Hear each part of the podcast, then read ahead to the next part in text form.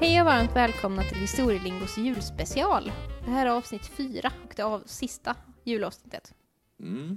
Det är ju den eh, 20 idag som det här avsnittet släpps, eh, den fjärde advent. Och vi ska prata om tomten. Ja, och vi som ska prata om tomten, det är jag, Lisa Viktorsson. Och jag, Ivar Morgan. Avsnittet heter ju Jultomten. Mm. Men jag tänker för att komma fram till jultomten så kanske vi ska prata om vart begreppet tomte kommer ifrån. Mm. Och innan vi börjar kanske vi bara ska säga att vi har spelat in ett avsnitt om julbocken också och det kan ju vara en bra bakgrund för det här avsnittet så det kan man lyssna på också. Ja, det är det första av de här julspecialavsnitten. Men begreppet tomte, det kommer ju från folktrons gårdstomte, Mm. som hade många olika namn. Men om, det här är ju ändå historielingo, så jag tänker att vi går ner på vad ordet tomte betyder. Mm. Och det kommer ju ordet, av ordet tomt, som Ja, betyder då avgränsat område.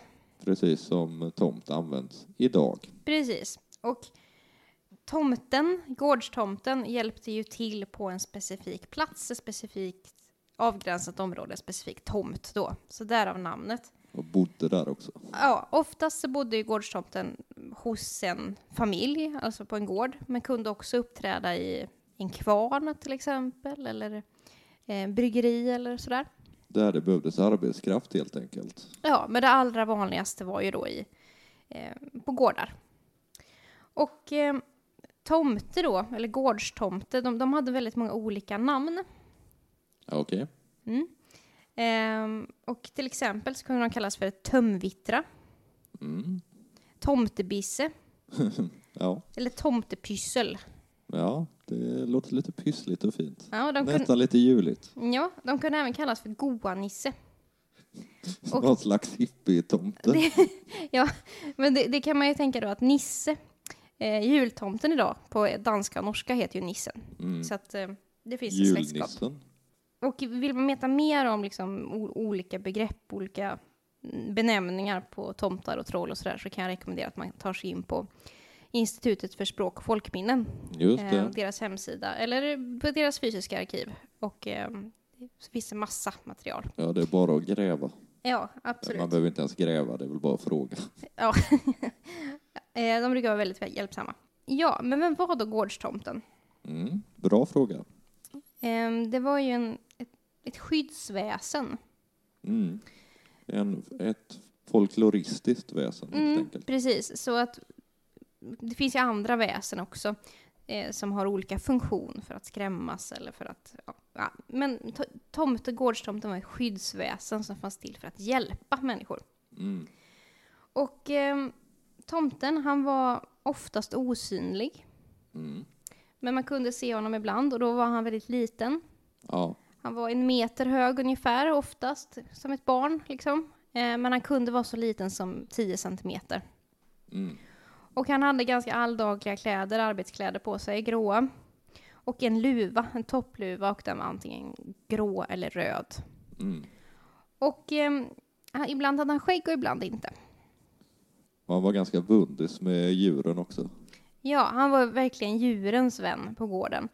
Och om eh, man var stygg mot djuren, då straffade tomten genom att ge människor en örfil.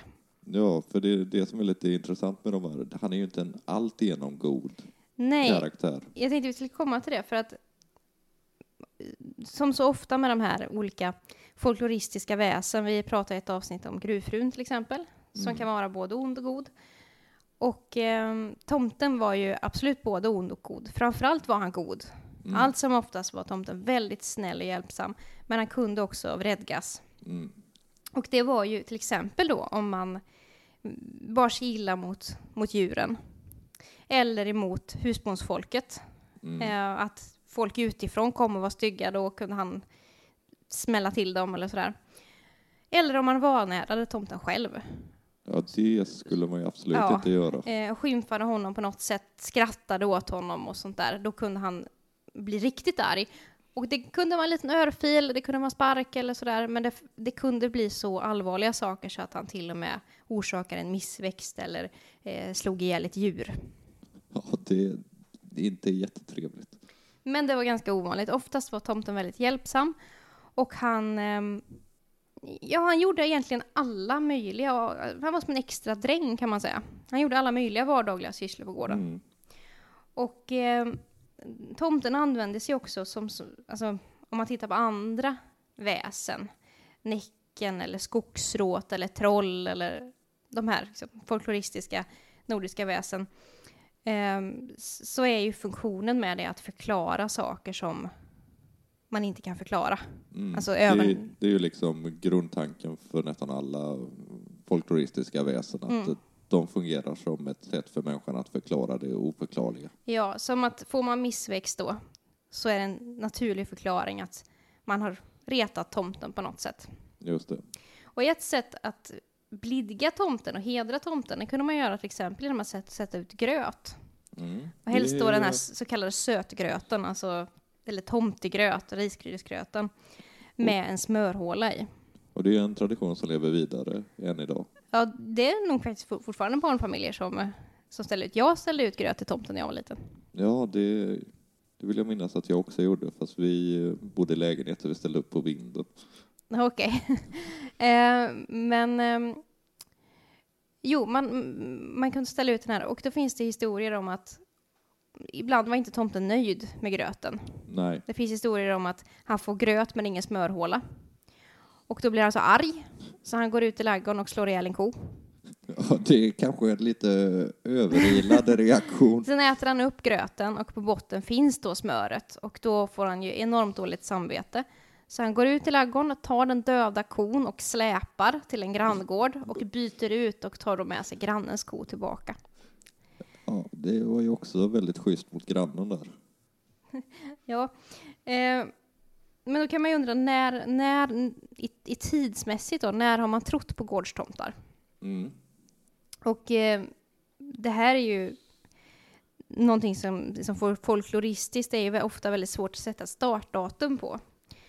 Men första gången som tomtar liksom uppträder i skrift i Sverige, det är på en ganska udda plats. Okej, Det är i Heliga Birgittas uppenbarelseböcker. är det sant? Det, Det är hade jag sant. ingen aning om.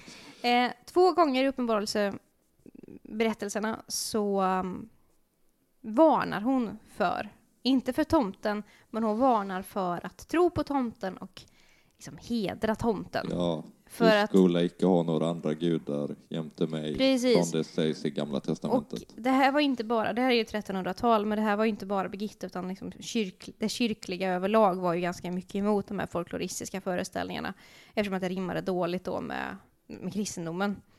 Men trots att Sverige var ju väldigt kristet och har varit ända fram till modern tid, så trodde man ju på de här väsen. Mm. Och eh, det var ju någonting som fanns nedärvt, så djupt rotat i folk som man får lära sig sig barnsben att det finns Näcken och det finns skogsrå och det finns Jättar tomtar. Ja, tomtar precis. Och, Eh, och det var ju då för att kunna förklara saker som man inte kan förklara. Eh, men som sagt, heliga Birgitta tyckte inte om tomtar, tomtetron. det borde vi haft med i vårt avsnitt vi gjorde om heliga Birgitta. Ja, Så jag kan rekommendera avsnitt 10. avsnitt 10 precis, om heliga Birgitta. Ehm, ja, nej men gårdstomten var ju en, allt som oftast en hyvens eh, kille. Och jag säger kille för att det var, gårdstomten var en man. Mm. Och eh, han stod liksom för, för ordning och reda och hög och god moral i, eh, i hemmet, i, på gården. Mm. Och eh, någon som har gestaltat eller skildrat tomten eh, är ju Viktor Rydberg Mm. som eh, är en av kanske våra mest berömda och kända författare. Då hoppar vi ju fram ifrån 1300-talet Ja, vi hoppar fram ganska långt faktiskt. Och han skildrade ju då i någon slags retro, retroperspektiv då förstås. Men han skrev den i 1881 Precis. i, eh, i nyillustrerad tidning publicerades dikten. Ja, och eh, det är ganska roligt att han faktiskt skrev den här dikten i Slottsskogen i Göteborg under en vinterpromenad. Viktor Rydberg bodde ju i Göteborg i många år och var journalist framförallt, Mm. men även författare. Och ehm, det här verket som jag pratar om då, det är ju naturligtvis Tomten, som väl alla känner till. Ja, jag tror de flesta kan första strofen, om ja, inte fler. Midvinternattens köld är hård. Och ehm, jag tycker det är roligt, för en av verserna, det är väldigt många verser i den här dikten. Men en vers tycker jag beskriver det här som, som vi har pratat om med Gårdstomten ganska väl, om hur mån han är om... Tomten var ju väldigt lojal emot sin, e sin egen värdfamilj och sin, sin egen husbonde. Och stannade ju ofta i samma familj i flera generationer då. Och jag tycker det här med att hans lojalitet märks väldigt tydligt i en vers, som jag tänkte vi kanske skulle läsa upp. Ja, jättegärna. Tomten smyger sig sist att se husbondsfolket det kära. Länge och väl han märkt att det hålla hans flit i ära. Barnen kammar han sen på tå, nalkas att se de söta små. Ingen må det förtycka, det är hans största lycka. Ja, det är tjusigt. Det är tjusigt. Och när vi ändå då är inne på Viktor Rydberg kanske vi ska hoppa över det lite modernare tomteriet. Ja, jag tänker att vi kan väl kanske avsluta med en annan, eh, ett annat julpåhitt av Viktor Rydberg. Men vi kan dra en liten eh, radda först om eh, den moderna tomten. Mm. Och eh, nere på kontinenten och så, så är ju tomten ganska olik den tomte vi har i Sverige. Ja, absolut. Och det kommer ju då från den här turkiska helgonet Sankt Nikolaus, eller han var verksam i dagens Turkiet i alla fall, på Mm. 300-talet. Och han var biskop och ansågs vara väldigt givmild. Och en eh, historia om honom går ut på att han eh, räddar tre fattiga flickor från prostitution. För att eh, de behövde pengar och det enda liksom, sättet för dem att få pengar var att prostituera sig. Men då kommer han, eh, klättrar på taket, slänger ner pengar genom skorstenen och då blir de då eh, räddade helt enkelt. Och en annan liten intressant eh, aspekt av det här är att eh, de här pengarna råkar hamna i en socka som hänger på, Mhm. på, på tork helt enkelt, på Ja, det- eldstaden. Det känner vi ju igen. Det, så att det, därifrån kommer den traditionen. Det, det kan vi ju säga också att, att eh, gårdstomten, han gav ju inga presenter. Nej, absolut Han, inte. han hjälpte bara till med arbete. Han förväntar sig presenter i form av gröt.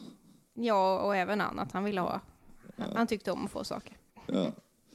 Och eh, med tiden så blir det här liksom Sankt Nikolaus en eh, figur som man börjar förknippa med jul. Till exempel i Holland så kallas han Sinterklaas. Mm.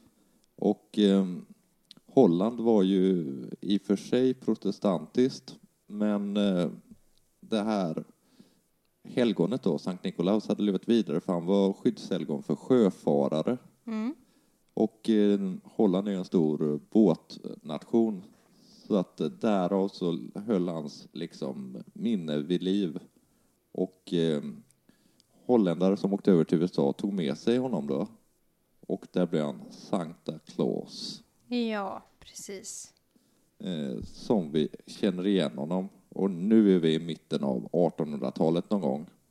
Eh, och han börjar sakta men säkert bli mer och mer populär. Mm. Eh, mycket på grund av industrialiseringen, för folk samlas ju i stora städer och eh, kulturer blandas. Ja, Som vi tänker på tomten idag, det får han i mitten av 1800-talet, sitt utseende. och även funktionen kan man väl Mm. säga. Jo, det kan man säga. Det var i en satirtidning som heter Harper's Weekly som eh, man började måla den typen av tomte som vi förknippar med tomte idag. Och där gjorde man ja, runt 1860, någon gång 1863 vill jag minnas. Mm. Och det var en illustratör som hette Thomas Hast som eh, gjorde den här lite rundlagda, gladlynte tomten. Eh, Den, den liksom amerikanska tomten kan man säga. Mm, den amerikanska tomten. Men det är framförallt konstnärer då som har liksom gett tomten dess nutida utseende. Vi har varit inne på Jenny Nyström förut. Ja, vi har väl pratat om henne flera gånger tror jag, men framförallt i julbox-avsnittet. Mm. För det var framförallt hon som började måla av tomtar. Och hon var ju en väldigt duktig konstnär. Ja, det var hon verkligen. Och eh, hennes tomte skiljer sig ju ganska mycket från den här liksom, amerikanska Coca- Coca-Cola-tomten, om man säger så. Verkligen. Och eh, hon gjorde en ganska liksom beundransvärd karriär också för att vara kvinna i 1800-talets Sverige. För hon fick bildning Mm. i, ja, först i Göteborg började hon måla. Hon hade flyttat dit som åttaåring till Majerna. Och sen så gick hon faktiskt på i Stockholm också. Ja, alltså hon var ju utbildad konstnär. Ja, 1875 så kom hon in på Konstakademin i Stockholm och blev i princip bäst i klassen också. Hon delade första plats när hon gick ut med en annan konstnär och fick stipendium så hon kunde åka till Paris och ställa ut, eh, eller studera först och sen så 1884 så ställde hon ut sina verk på Parissalongen som på något sätt var navet för den moderna konsten på den här tiden. Ja, och då ska vi också säga att som svensk kvinna under den här tiden så är det här en eh, nästintill omöjlig karriär att gå. Mm. För att idealet var ett, det borgerliga idealet var, var ett annat. Ja, verkligen. För att hon kom från en familj där det var ganska gott ställ också. Hennes eh, pappa var första lärare på en skola i Majerna ehm, vid Stigbergstorget. Ja, men att man låter döttrar få liksom leva ut sina drömmar och talanger på det sättet var ändå någonting som var väldigt ovanligt. Mm, det Och det är ganska få, ganska få ehm, svenska kvinnor från 1800-talet som, som har fått göra det. Man kanske kan jämföra med Jenny Lind till exempel, Mm. sångerskan. Ja, det är en bra Ehm, jämförelse. och sen en rad författare naturligtvis. Mm. Ja, Men- det var en parentes. Det var en parentes. Men det är väl kanske den första konstnären som man kan tänka på som, eh, som verkligen har gett oss den tomten vi har idag. Och en parentes till det också är att när hon var 17 år gammal så var det hon som målade bilderna till Rydbergs dikt där, Mm. Tomten, Precis. illustrerade. Så det finns ett samband Ja. dem emellan.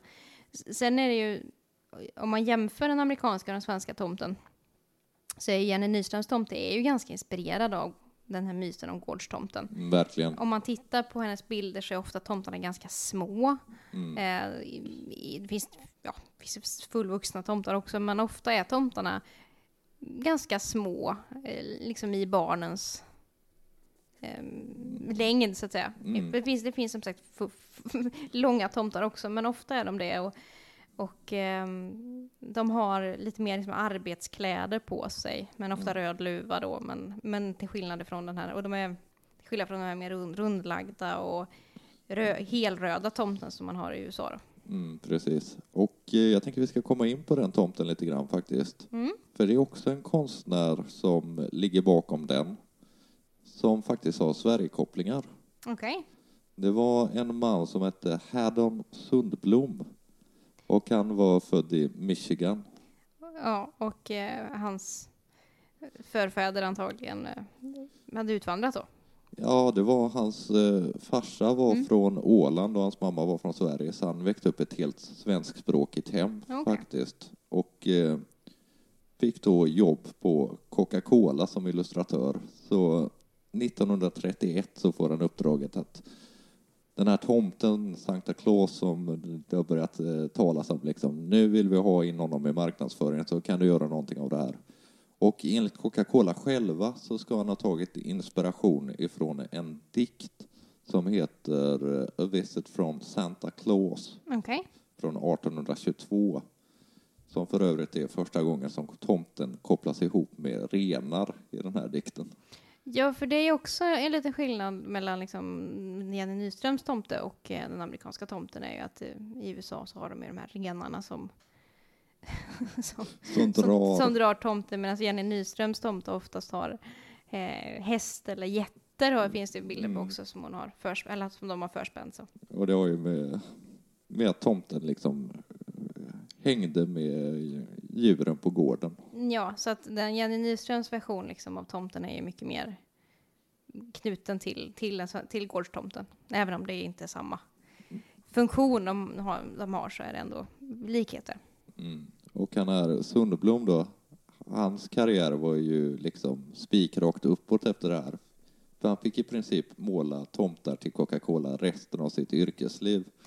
Eh, och de, många av de här illustrationerna används fortfarande idag av Coca-Colas marknadsföring. Ja, för jag tror att jag tror de flesta människor, oavsett om man dricker Coca-Cola eller ej, kan eh, erinra sig just hur, hur den här Coca-Cola-tomten ser ut. För den brukar ju vara på förpackningarna kring jul och framförallt brukar det vara väldigt mycket reklam med, med tomtar.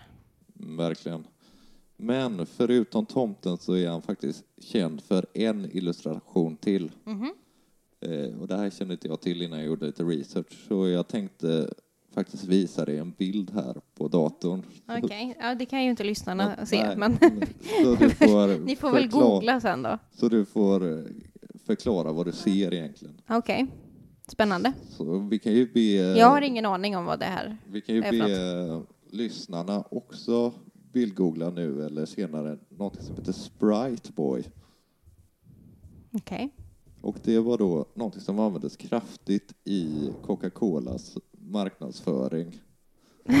Ja. vad, vad är det du ser egentligen? Eh, ett, ett barn som är väldigt hög av socker, skulle jag säga.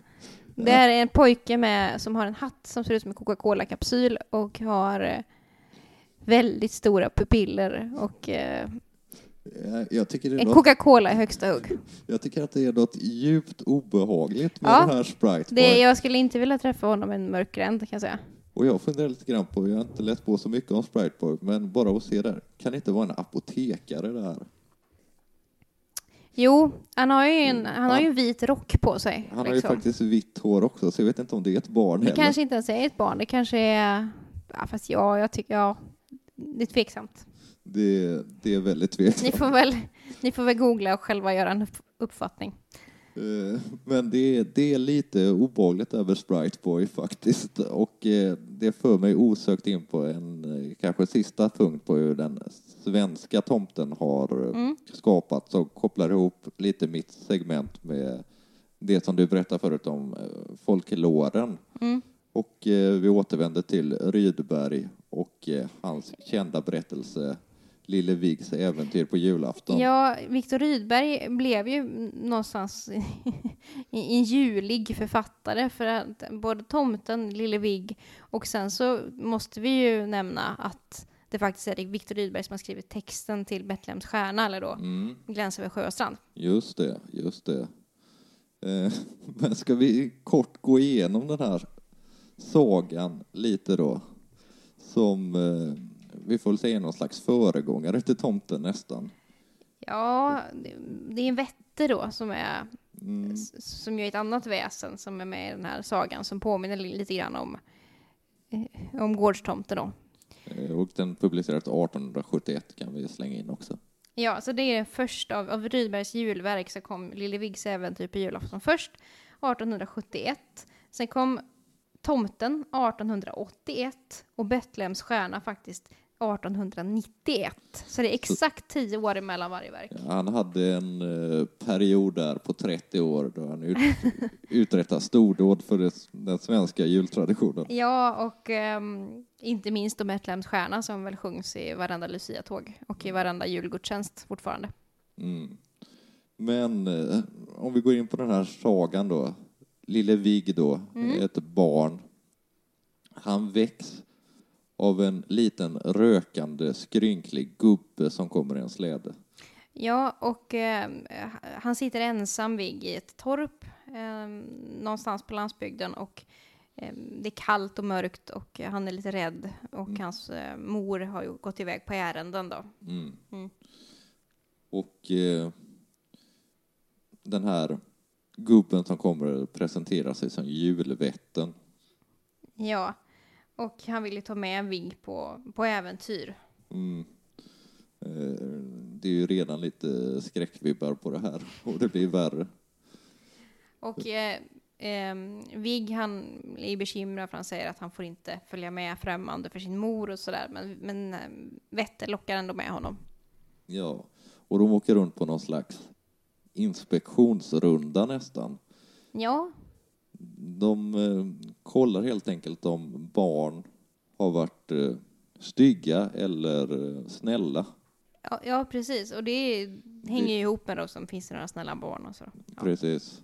Men de träffar en mängd olika skummisar. Till exempel en snok.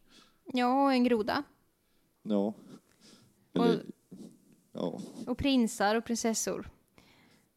Ja. Och i andemeningen, vi kan ju inte dra hela, hela sagan, men, men det är ju att vätten har med sig en stor kista med presenter. Mm. Och det är fina, liksom, vackra föremål och roliga liksom, leksaker och presenter som han ger till rika barn som de träffar på.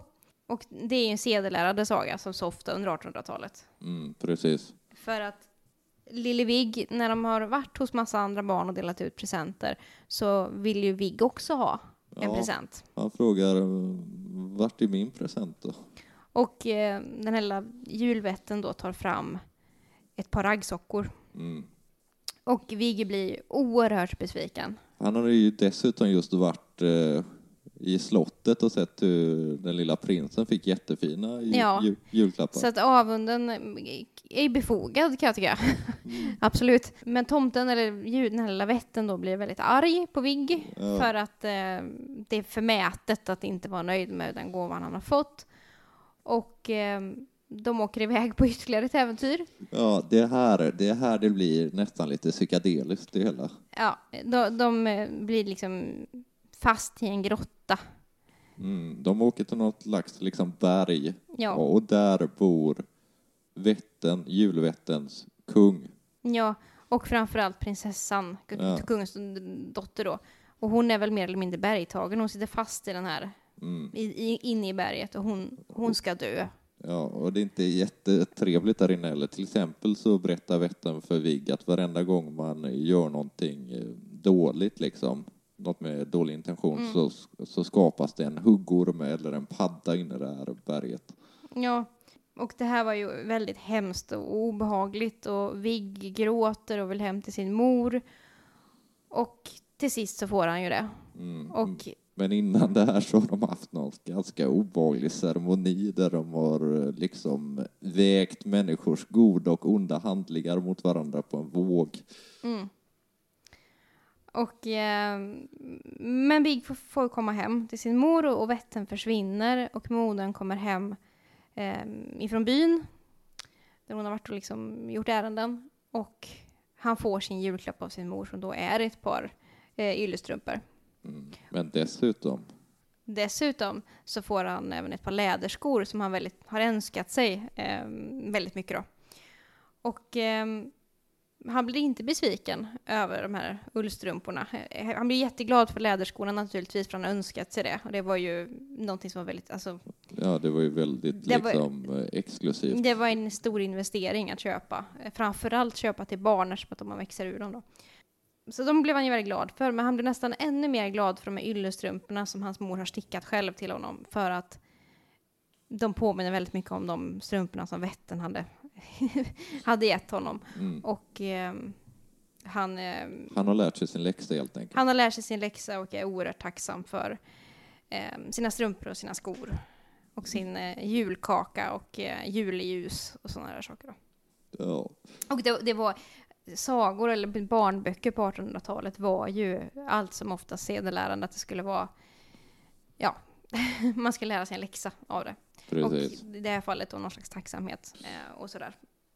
Men eh, vi kanske ska börja avsluta här om vi ska sammanfatta den här, det här avsnittet så kan vi väl säga att tomten är, eller dagens tomte är ett hopkok av massa, massa olika traditioner. Ja, och det- kan man ju se på dagens julfirande så firas ju väldigt olika i olika delar av världen och även alltså, mellan olika familjer och det finns ju massa olika traditioner. Mm. Eh, bara en sån sak som att i den anglosaxis- anglosaxiska världen så firar man ju julen 25 medan vi i Sverige firar ju julafton den 24. Och sådär. Mm. Och eh, där så möter man ju inte tomten heller. Nej, Och det har ju med Sankta Claus att göra, att han med skorstenen och de här strumporna och det. ja, och som så ofta så är ju svensk, den svenska versionen lite mer skräckinjagande för då, då måste barnen eh, träffa tomten och eh, bedyra att de har varit snälla för att få någonting. Och den Eh. svenska tomten har ju också väldigt tydliga likheter med julbocken som vi Ja, tidigare. eh, och ofta har man ju tomtemask. Så är väl, väldigt, nästan alla barn är väl rädda för tomten. Eh, ja, många i alla fall. Och ehm, ehm, ja, nej men så, så det finns, det finns skil, tydliga skillnader i det här med, med julklappsutdelning och sånt. Mm. Och ehm, ja. Um, ska vi nöja oss där? Kanske. ja, det får vi väl göra. Det blev ett extra långt julavsnitt det här, men det är ju det sista också så. Ja, vi hade väl mycket att säga helt enkelt. Mm, Ja. Sen vet jag inte eh, vad vi kom fram till, men eh, ja, vill ni komma i kontakt med oss så kan man göra det på vår mejladress. Historielingo at gmail.com. Eller så kan ni nå oss på Instagram och där heter vi historielingo. Ja, med det sagt så får vi väl bara önska en god jul. Ja, verkligen. En riktigt god jul. Och nästa vecka, eller nu på torsdag då, så är det ju faktiskt självaste julafton. Mm. Och eh, då utgår historielingo. För i vanliga fall så kommer ju våra avsnitt på torsdagar och de här julavsnitten har varit extra på söndagar då under advent. Men torsdagens avsnitt eh, utgår för att få ni fira jul istället.